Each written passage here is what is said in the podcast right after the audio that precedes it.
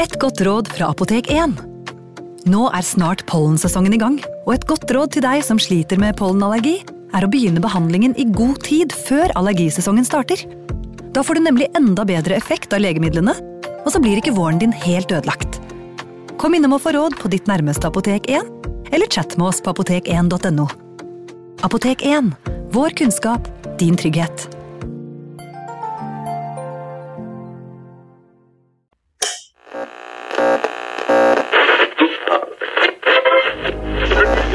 Vi skal gjenta særmeldingen i dag.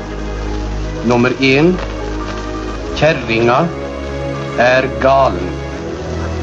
Nummer to På ski over lyng og kvast. Nummer tre Baklengs inn i aftensangen. Baklengs inn i aftensangen.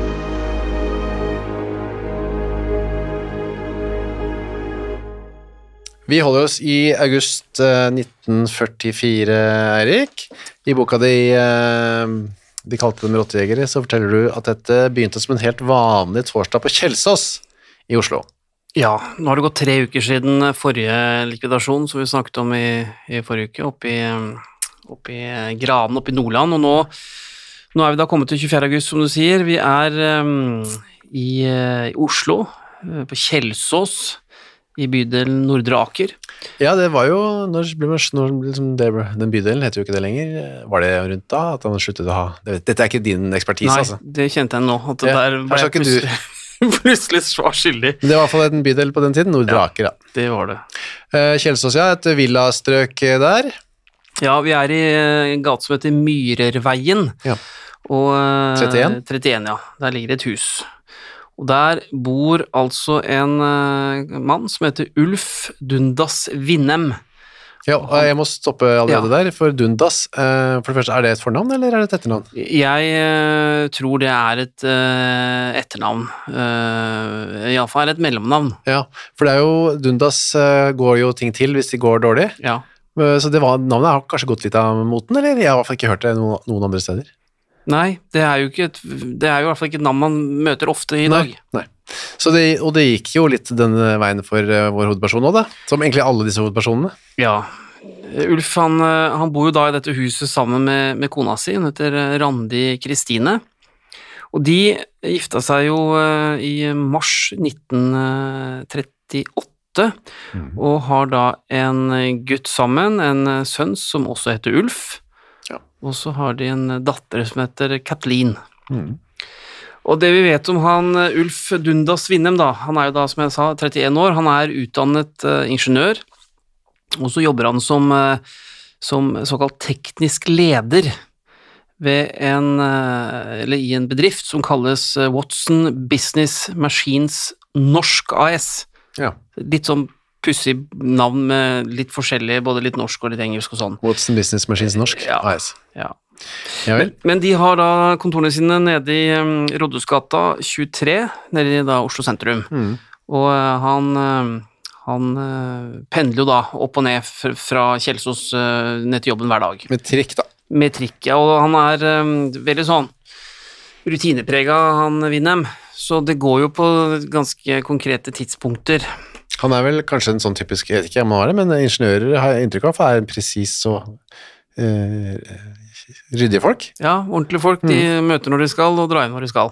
Han hadde jo også et medlemskap da i Nasjonal Samling i Vindem. Mm. Han, eh, han var NS-medlem, og så var han også da en av eh, det tyske sikkerhetspolitiet, altså Gestapos faste informanter i Oslo-området. Og det, det innebærer jo at han da var en kilde for dem, eh, hvor han rapporterte inn andre nordmenn eh, om ulike forhold, kanskje andre bedrifter, eh, forretningsforbindelser, som han da mente at det tyske sikkerhetspolitiet hadde nytte av å ha kjennskap til.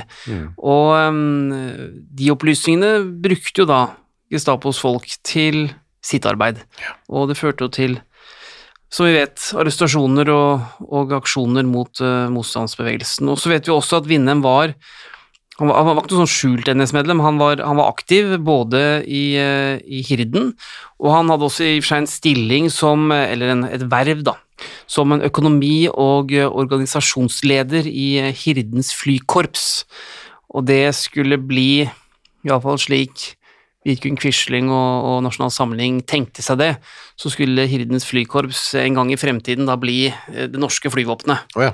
Man hadde Hirdens flykorps, og så hadde man Hirdmarinen, og så hadde man Hirden, da, som skulle da bli i og for seg våpengrenene da, til, til både da luft og sjø og, og, og hæren. Så de trente seg opp, da? på en måte? Ja, de, de, altså flykorpset, de drev med De hadde noen sånne seilfly, og drev litt ut på Fornebu og satte disse flya opp, og da, vi snakker ikke noen avanserte ting, men de hadde de hadde noen medlemmer, de hadde noen publikasjoner og litt sånn egne uniformer, og, og drev da og, og, og skulle bygge da et, et flyvåpen. Det ble jo ikke noe av. Men eh, og når det Hirdmarin, så drev de med noen seilbåter og, Ja. Og padla litt rundt og lærte og kn noen sånne knuter og, og tenne bål i fjæra og Altså, vi snakker speideren, Ja, det men, men det skulle bli ja, Og Hirden var litt mer voldsomt, men uh, altså Hirden som, som da skulle bli en fremtidig hær. Mens akkurat flykorps og, og denne marinegjengen, det, det var jo i og for seg ikke voldsomme greiene. Nei, det var et stykke igjen til liksom, at de kunne angripe et land, for eksempel. Ja, heldigvis kom de aldri dit, nei. Ok, så der er han med. Han er medlem i Hirden, og så er han angiver, som du sa, og han er uh, NS-medlem, og også da ingeniør. Og det er jo det siste uh, yrket på en måte hans som skal føre han til uh, Dundas, holdt jeg på å si, da. Eh, det kommer vi til nå, da. Ja. For vi kan jo begynne med denne morgenen. Eh, han går ned da for å ta trikken ned til eh, sentrum. Ja, han skal sannsynligvis gjøre det han pleier, nemlig å ta, ta trikken ned til kontoret sitt nede i rådhus, Rådhusgata der. Og øhm, det er jo en litt spesiell morgen, fordi det står jo da i nærheten av, av trikkeholdeplassen, så står det da tre menn. Eh, og det han ikke vet, er jo at de venter på han, men, øh, men de står nå der. Og, øh, og øh, han går jo da mot dem. Og så har de stått der, skriver du, eh, de siste seks dagene uten at han har kommet. Ja, og litt sånn uklart hvorfor. Eh, han er jo en tydelig, eller visstnok da en veldig sånn rutinepreget person. mm. Men eh, de har da stått der hver morgen de siste seks dagene. Men, eh, men eh, han eh, Ulf Dundås Winnem har jo da ikke dukket opp. Og, ehm, og de har da ventet uten å egentlig få noen forklaring på hvorfor, men det, det kan være at han har vært syk eller, Ja. eller hva som helst. Så, eh, men denne morgenen, da, torsdag 24. august, så kommer han, eh, de, så kommer han gående. Og de, de står da et sted like ved holdeplassen, altså trikkeholdeplassen, fordi de vet at Vindem må gå forbi dette stedet der de står, hvis han skal gå til trikkeholdeplassen for å ta trikken ned til eh, kontoret sitt. Og nå vet ikke Winnem det, men de to av de som står der, er jo på en måte kjenninger for uh, oss, da. Absolutt. Som uh, nesten nærmest har kommet bare skifta og gått ut igjen etter å ha drept eh, en uh, likvidert en tidligere. Mm. Dette er Andreas Aubert og Henrik Henriksen. De, noen uker tidligere så har de da gjennomført et eh, eller en annen likvidasjon av statspolitiinspektør Gunnar Lindvik, som vi da har hørt om tidligere. Yep. Det skjedde jo eh, ja, på Frogner, eller mm. ved Majorstua i Oslo. Ja. Og så har de med seg en som heter Erik Hansen Bakke. Ja, Han er da den såkalte lokale ressursen, Ja. som da skal hjelpe dem med å utføre oppdraget, men som er da godt kjent i området og fungerer da som eh, i og for seg eh, vakt, men hans hovedoppgave er å være sjåfør. Ja. Så eh, Ja, for det var lurt å ha noen som kunne området og stikkveier og Ja. kjenne til ja, og komme seg raskest mulig vekk, Mm. eh, for dette var jo da en snart skal vi høre om, da, en likvidasjon som skjedde i og for seg ute på et offentlig sted, og, og, og eh, da kunne man jo bli sett eller oppdaget, og politiet kunne komme raskt, så da var det så veldig viktig å ha en sjåfør som, eh, eller, eller hjelpemannskaper da, som kunne få en raskt av gårde og, og i dekning. Så, så da skjer det at han kommer gående mot disse tre mennene. Aner kanskje Fredrik ingen fare, da, det vet vi ikke. Ja, men det er ingenting som tyder på at han skjønner noe særlig av hva, som, eh, hva han er i ferd med å gå rett inn i. Um, han eh, kommer Rapportene sier ikke noe, men hadde han fattet mistanke, så hadde han sannsynligvis gjort et eller annet. Begynt å løpe eller skrike eller et eller annet. Men han kommer da gående mot dem, og da han er kommet veldig tett innpå, så blir det avfyrt totalt åtte skudd. Og um, Winnem han blir altså truffet i brystet, han blir truffet i magen og i bena, og så detter han om og blir liggende på bakken, ganske eller, urørlig. Og de som da hører skuddene, ser på klokka, og den viser da 08.28. Altså to minutter på halv ni Mm. den morgenen. Og hvorfor skjer dette? Altså, Motstandsgrupperinger da, i Oslo-området, eh, selvfølgelig da også under ledelse av, av, av Milorgs sentrale ledelse, de hadde gjennom de siste ukene, altså frem mot denne likvidasjonen, så hadde de, eh, de fulgt med på Ulf Dundås Winnem. De hadde gjort en del undersøkelser, og mente etter hvert at han utgjorde, som de sier, en, eller som de skrev, en betydelig og økende risiko. Ja. Husk på at han var eh, ingeniør, altså han var ikke noen, eh, han var ikke noen sånn surrebukk. Han hadde utdannelse, han hadde kompetanse og kunnskaper om, om, eh, om det han jobbet med. Altså Han hadde en stilling som teknisk leder, han kunne maskiner, han kunne reparere ting, han kunne få ting til å fungere, så han var jo selvfølgelig viktig i den jobben han gjorde.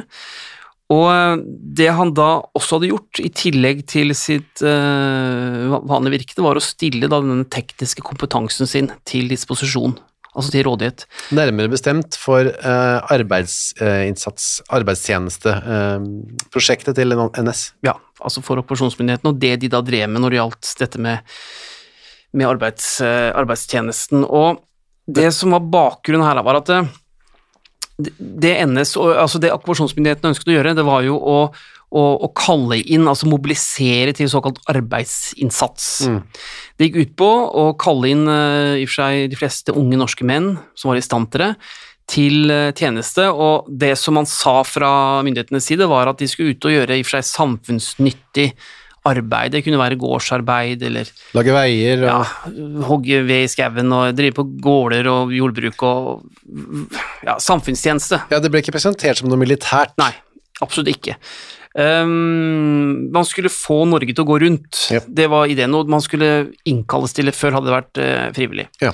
Men det man ikke sa så mye om, det var jo at planen med denne mobiliseringen da, som skulle skje, skje da utover i 1944, det var jo at man her skulle starte en form for en militær mobilisering, hvor disse unge mennene etter hvert skulle kunne få trening som soldater, og gis som militære bidrag til de tyske styrkene. Altså tvangsinnskrives, eller tvangsrekrutteres som soldater. Ja, det er ganske um, dramatisk skritt å ta, da. Ja, og man skulle ta det litt sånn skrittvis og delt, og, og sørge for at det ikke ble så mye spetakkel og bråk, men, men ved å innkalle da hele årsklasser, så skulle man etter hvert da få dem innlosjert i militære eh, leire, eh, militæranlegg over hele Norge, underlegge dem militærkontrolldisiplin, som i og for seg også arbeidstjenesten eh, var bygget opp på. Det, det, det var jo en form for militær organisasjon, men man gikk ikke med geværer, men med spader og, og ljå og sånn. Men etter hvert da, så skulle man, man gjøre om dette da, til å bli en ren militærtjeneste, og man skulle trene da disse guttene og unge mennene opp til å bli soldater. Mellom, eh, det er snakk om, i hvert fall skriver i boka, mellom 75 000 norske menn mellom 18 og 23. Ja. Og det er jo en betydelig eh, styrke. altså Ja. Dette ville jo aldri blitt en topptrent militærstyrke, fordi man ville møtt for mye motvilje og sånn, men uansett så kunne tyske, tyske militære myndigheter da, få til disposisjon 75 000 unge norske menn. Det var iallfall det som motstandsbevegelsen hadde som motivasjon, og de hadde ønske om å stoppe det, og det Dette var det de da jobbet for. Det var ikke, dette var ikke tyskernes initiativ, det er litt eh, interessant poeng. Da. Det var et norsk initiativ. Ja, sant? og det skulle da være i og for seg en, en gest. En gave. Ja, eller et eh, tilskudd eller et tilbud, Mm. eller hva man ønsker, eller hva man kaller det. Men, men for NS-ledelsen så var det jo selvfølgelig et um, motiv å vise at uh, norske okkupasjonsmyndigheter, Nasjonal Samling, sto sammen med sine Ja. tyske, kall det brødre, eller våpenbrødre, da, inn mot krigens sluttfase. Ja, for på den tiden gikk det jo dårligere og dårligere og dårligere. og dårligere. Absolutt. Det, altså de aller fleste nå skjønte hvor det bar hen. Ja. Eh, her er jo D-dagen som vi snakka om. Ja, det, og alt er jo Altså, nå, nå er jo Tyskland pressa på alle fronter, så Men dette skulle da være et, et tilbud eller en, en Ja, ikke om ikke en gave, så i hvert fall et tilskudd fra Ja. Norge til det nasjonalsosialistiske Tyskland og det nazifiserte eh, Europa som fortsatt eh, holdt stand. Dette var jo da mm, motstandsbevegelsen eh, klar over og redd for, og gjorde ganske mye for å stoppe da kaste stikke kjepper i hjulene for denne, dette prosjektet her, da. Ja, altså Vi må huske på at dette her ble jo i og for seg bestemt og, innført allerede i februar 1943. Da Da kom det en lov om sivil arbeidsinnsats. Og allerede da så begynner jo begynner jo eh, eh, motstandsbevegelsen å planlegge aksjoner og, eh, mot de ulike arbeidskontorene. Um, dette var jo sånn at eh, altså det, det skulle jo ikke skje som en sånn, sånn lang prosess, det skulle jo skje over noen få dager. Ja. En, en eh, tvangsmobilisering da, som skulle gjennomføres gjennom en sånn storstilt aksjon. Man skulle stenge grensene, ha ekstra vakthold. altså Her skulle da For at de ikke skulle rømme, ja. Eh, Nettopp. Så her skulle da eh, disse unge norske mennene da eh, ja, tvangsinnrulleres, så det skulle skje fort, og man skulle oppnå resultater med det. Det var Og- det man ønsket å stoppe. Og et sånn sentralt virkemiddel der var jo disse maskinene som eh, kjører disse stemplingskortene, som at det er innkallingskortene, er det det, til de unge mennene? da? Ja, og der er jo, det, er jo der han Ulf Dundas Vindem får en, en sentral funksjon, Ja. Altså, han var jo da ingeniør, hadde teknisk kompetanse, og disse maskinene, som du sier, som da skulle håndtere stemplingskortene, som man skulle kjøre dem, da gjennom, Ja. de måtte da fungere, og han som ingeniør kunne holde disse i stand til å, å kunne håndtere da disse stemplingskortene. Og ble disse maskinene utsatt for sabotasje, noe de da faktisk ble ved en rekke tilfeller, så um, ville man jo da kunne i og for seg både vanskeliggjøre eller eventuelt faktisk da stanse en sånn innkallingsprosess. Og når da Ulf Dundas Winnem sa seg villig til å reparere maskiner som var utsatt for sabotasje, Ja. det er jo da motstandsbevegelsen og Milorg ser og ser seg tjent med og bestemmer at han må ryddes av veien, altså han må drepes. Og mange vil jo ha sett eh, filmen om Max Manus, for den ene aksjonen eh, i Akersgata der er jo nettopp mot dette arbeidskontoret og disse maskinene, Nettopp. hvor eh, Kjakan og Max Manus og Greger Skamvel og hele den gjengen der Ja, ja. er inne, og så sprenger det, så Ja, og det er jo faktisk akkurat sånn det skjedde. Ja. Man eh, kom seg inn, eh, plasserte sprengstoff og sprengte, om ikke hele bygningen, så i hvert fall lokalene da i lufta. Og disse maskinene ble, ble ødelagt. Og det er der han eh, godeste Vindem da vil Ja. inn og, og reparere. Og han hadde også en, en anmerkning, eller en, et punkt til på seg, og det gikk på at eh, han var faktisk veldig tilhenger av denne tvangsmobiliseringen, for uh, før dette her så hadde jo flere rømt, både hjemmefra og også fra landet, fordi de var redde for å bli tvangsmobilisert, og han hadde da vært en av dem som, som aktivt gikk inn og, um, og meldte disse personene inn til det tyske sikkerhetspolitiet, altså han ble en angiver. i tillegg til denne Nettopp. Nettopp. Så uh, han viste jo med all tydelighet at denne tvangsmobiliseringen, den ønsket han at skulle, skulle uh, bli uh, gjennomført. Og når vi ser etterpå hva disse styrkene eller disse mennene og guttene skulle brukes til, så skulle det jo faktisk da settes inn i formasjoner underlagt Waffen-SS. Ja. Og øh, sammen med andre norske frontkjempere som hadde meldt seg frivillig dit. Og det var i og for seg et brev øh, Det ble slått fast i et brev datert 17.1.1944, øh, underskrevet av justisminister Sverre Risnes. Men det, det viser jo også alvoret her. Det var ikke noe leik. Det var ikke noe sånn løs idé. Man ville faktisk, eller hadde faktisk klare planer om å, om å gjennomføre det. Og da var det, skulle man sende dem til østfronten, fordi det var vanskelig å motivere dem, ble det sagt. De måtte dra liksom vestover da, og slåss med engelskmenn og fran franskmenn og amerikanere. Ja, og det var jo ideen i og for seg helt fra man begynte å, å hente inn norske frivillige til, eh, til Waffen-SS eh, allerede i 1941.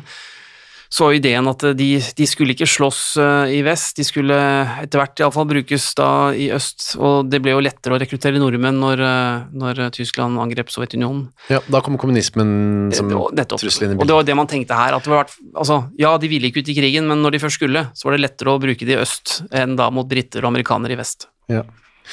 Ok, eh, så dette var da Ulf Windem eh, tilhenger av, og så har du i boka di skrevet, eller sitert fra en sånn illegal avis, Nordisk Tidene, Ja. um, som sk har skrevet en artikkel om han da, Ulf D. Windem. Ja. Dagbok over en forræder, som de skriver.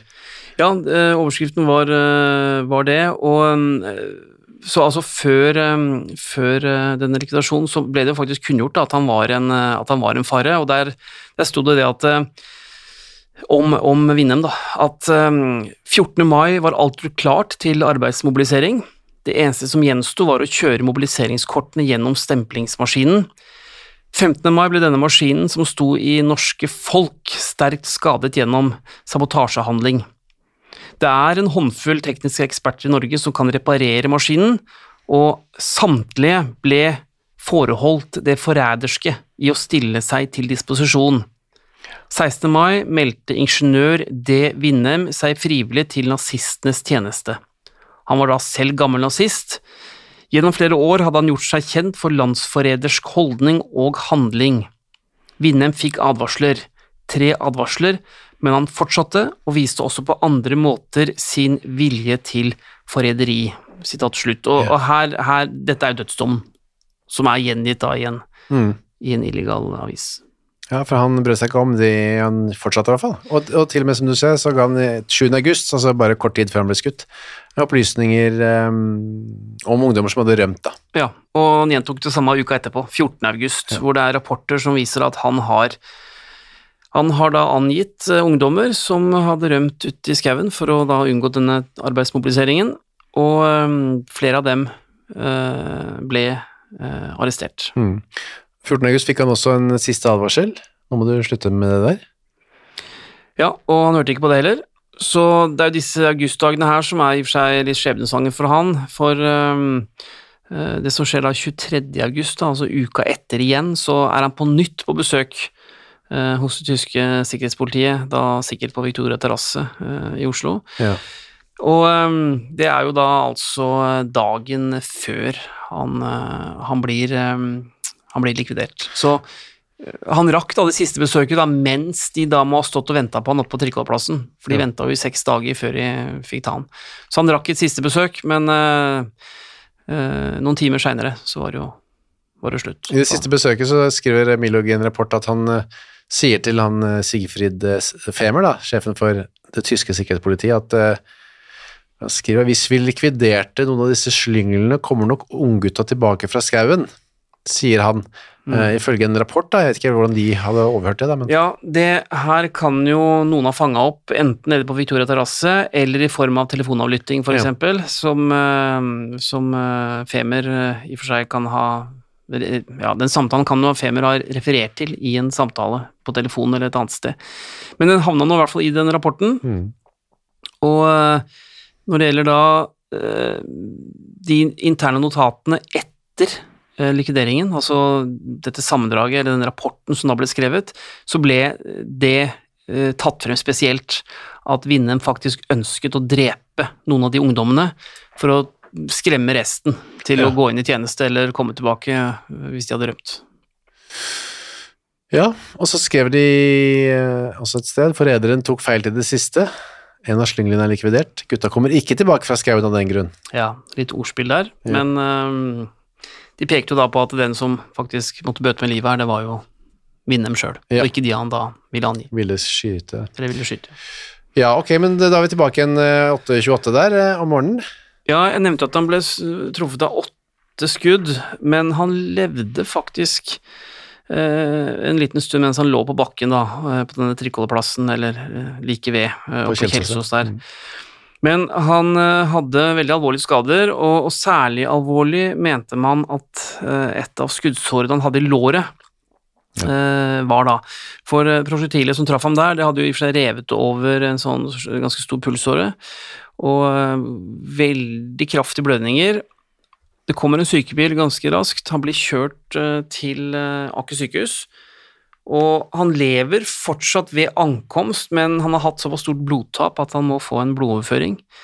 Men det hjelper eh, ham ikke, og han dør jo da ganske snart av, eh, av blødningene, eller av, av skuddskadene. Da. Og blir obdusert. Ja, det skjer litt senere på dagen. Eh, der i rapporten står det at han da var eh, 173 cm høy og veide 74 kilo. Og så ble det i og for seg eh, kun funnet tre skuddsår eh, i kroppen, eller på kroppen hans, eller i hvert fall registrert. Mm. Det kan jo være av de som var, hadde en viss alvorlighetsgrad. Um, og ett av dem var også blitt avfyrt etter at han lå på bakken, så eh, han De har forsøkt å i og for seg drepe han, eller være sikker på at han var død, før de gikk, disse tre da som, som skjøt. Men uh, han, ja, som vi nettopp hørte, så levde han jo en, en stund til. Men det var ikke noen nådeskudd eller noe som man ser på film, at det liksom er 100% sikre? Ja, det kan det jo ha vært at de forsøkte å treffe han i hodet, de kan ha gjort det også. Han kan jo ha vært bevisstløs, Ja. men allikevel hatt eh, puls som gjør at man mente han levde videre. Det, så, så detaljert er ikke den eh, dødsrapporten om han. Han døde i hvert fall. Eh, Han er død. Og den ble brukt som en sånn eh, ja, eksempel overfor andre nordmenn. Ja, det, det ble den. Altså, det ble da omtalt som eh, en person som var nyttig for okkupasjonsregimet, og som da valgte å, å likvidere. Og det var jo selvfølgelig eh, brukt som Eller man valgte å gi den oppmerksomhet fra motstandsbevegelsens side nettopp som et signal til andre Ja. i lignende posisjoner, altså som hadde kompetanse, eh, og erfaring som okkupasjonsmyndighetene kunne dra nytte av, og som kanskje ønsket å gjøre det, enten av idealisme eller man kunne tjene gode penger på, på å hjelpe til i ulike funksjoner i denne perioden her. Så man valgte jo da å ha en, um, en del eh, Eller få inn en del oppmerksomhet rundt det i, i den illegale pressen, og en avis som het Friheten, den eh, hadde en, en artikkel som kom eh, noen dager etter eh, dette skjedde, og der sto det, sto det Altså, der var jo denne aksjonen mot han Winnem omtalt under overskriften De ringer og kaller, vi kommer og knaller. Det, det er for det, det der fenomenet der slutter jeg aldri å la meg fascinere av, for nesten uansett hvor groteske ting det var og fælt, så er det alltid en liten sånn Ofte i hvert fall, når man leser sånn som motstandsbevegelsen skrev det omtalte, så er det alltid litt sånn humor, litt ordspill og litt rim og litt sånn tegninger, og så ofte litt sånn vitsaktige tegninger, hvis du har sett sånne som fanger tegnet og ja. Det er en sånn derre mm, Jeg vet ikke om det er en distanse som de lager, eller hva som er greia, men det er i hvert fall en liten sånn, sånn glimt i øyet på ganske alvorlige ting. Da. Ja, det, det er nesten sånn Nesten litt sånn tegneserieakt over det. At, at eh, alvoret ikke nesten helt går inn. Man, man dreper andre mennesker, og så omtaler man det ut under en sånn overskrift. Samtidig så kan det jo være, som du sier, en eh, form for en forsvarsmekanisme for å eller det kan også være så enkelt som at hatet mot, dette, mot disse personene var så sterkt at Mm. man eh, egentlig ikke hadde noe behov for å vise dem verken verdighet eller respekt. Det kan være. De skulle man, drepes og ferdig med det. det var som en, bare en liten sånn ubehagelig liten jobb som måtte gjøres. Ja. Det er mulig, eh, men fall der var det eh, Forfatteren var, syntes at dette var liksom en bra trend, at nå hadde man begynt å likvidere, fått fart på likvidasjon i Norge også, ikke bare i Danmark, som han hadde som eksempel. Ja, og, og også andre steder så sto denne her aksjonen, da, denne likvidasjonen uh, omtalt uh, i uh, i, um, i motstandspressen. Altså, et annet sted heter jo at jeg kan sitere her da, Ennå en angiver og en ivrig NS-mann, Ulf Winnem, har funnet vegen dit han skal. Han har ved flere høve angitt gutter på skauen og erklært seg villig til å reparere en av, en av de maskinene som ble sprengt i attentatet ved Akersgata 55. Det er det som vi snakket om i stad, ikke sant, fra Max Manus. Han hadde fått flere advarsler, men fortsatte allikevel på samme eh, måten. Så eh, ja, nei, det ble jo forklart og igjen pekt på at det var jo kompetansen hans og villigheten til å hjelpe Mm. okkupasjonsmyndighetene som eh, førte til at han blei drept. Den frivillige liksom, Ja. overgangen der, ja. Han ble gravlagt den eh, 30. august 1944, Grefsen kapell. Mhm. Og Der kom det ut minneord da på trykk i, eh, i eh, Tja, det var vel da i Fritt Folk, sannsynligvis. Og der sto det jo at um, Winnem falt da i kampen for Norges framtid, og eh, han ble jo også omtalt som en trofast og en meningsfelle som aldri sviktet. Du gikk til dine oppgaver og gjennomførte dem som en 100% nasjonalsosialist. Og så var det da undertegnet kameratene hans, da, før, eh, før de da lyste fred over, over minnet hans. Og så fikk han da etter hvert en grav da på, på Grefsen kirkegård. Hvor han kanskje ligger ennå, eller? Det er jeg faktisk ikke sikker på. Eh, at han var en 100% nasjonalsosialist, det kunne vel eh, på en måte alle parter være enige om. Ja, og han Vindem er det på et vis ikke så mye å Altså En del likvidasjon som jeg snakka om, finner man jo noen, noen sånn ja, altså Man kan re- reise tvil om god nok dokumentasjon, godt nok grunnlag, Måten det ble gjort på. ikke minst, og eh, at man satte andre eh, liv i fare og slikt. Her Dette er vel en av de tilfellene hvor vi ser at eh, det er veldig lett å forstå og forsvare den likvidasjonen ut fra rollen uh, Ulf Dundas Vindheim hadde, hva han sa seg villig til å gjøre, hva han hadde gjort, og ikke minst også måten det ble, ble, ble utført på. Vi takker for uh, ukas historie, og så er vi tilbake med et uh, en sånn, uh, slags sånn, nesten sånn cowboyaktig shootout for Ja. neste, neste uke. Da. Denne blir annerledes.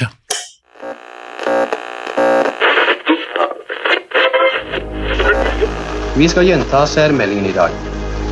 Nummer én Kjerringa er galen.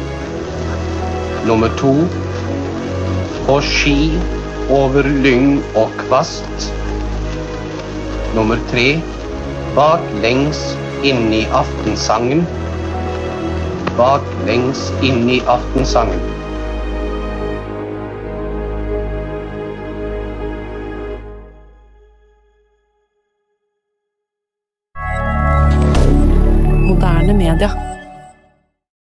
Har du et enkeltpersonforetak eller en liten bedrift? Da er du sikkert lei av å høre meg snakke om hvor enkelt det er med kvitteringer og bilag i fiken, så vi eh, gir oss her, vi.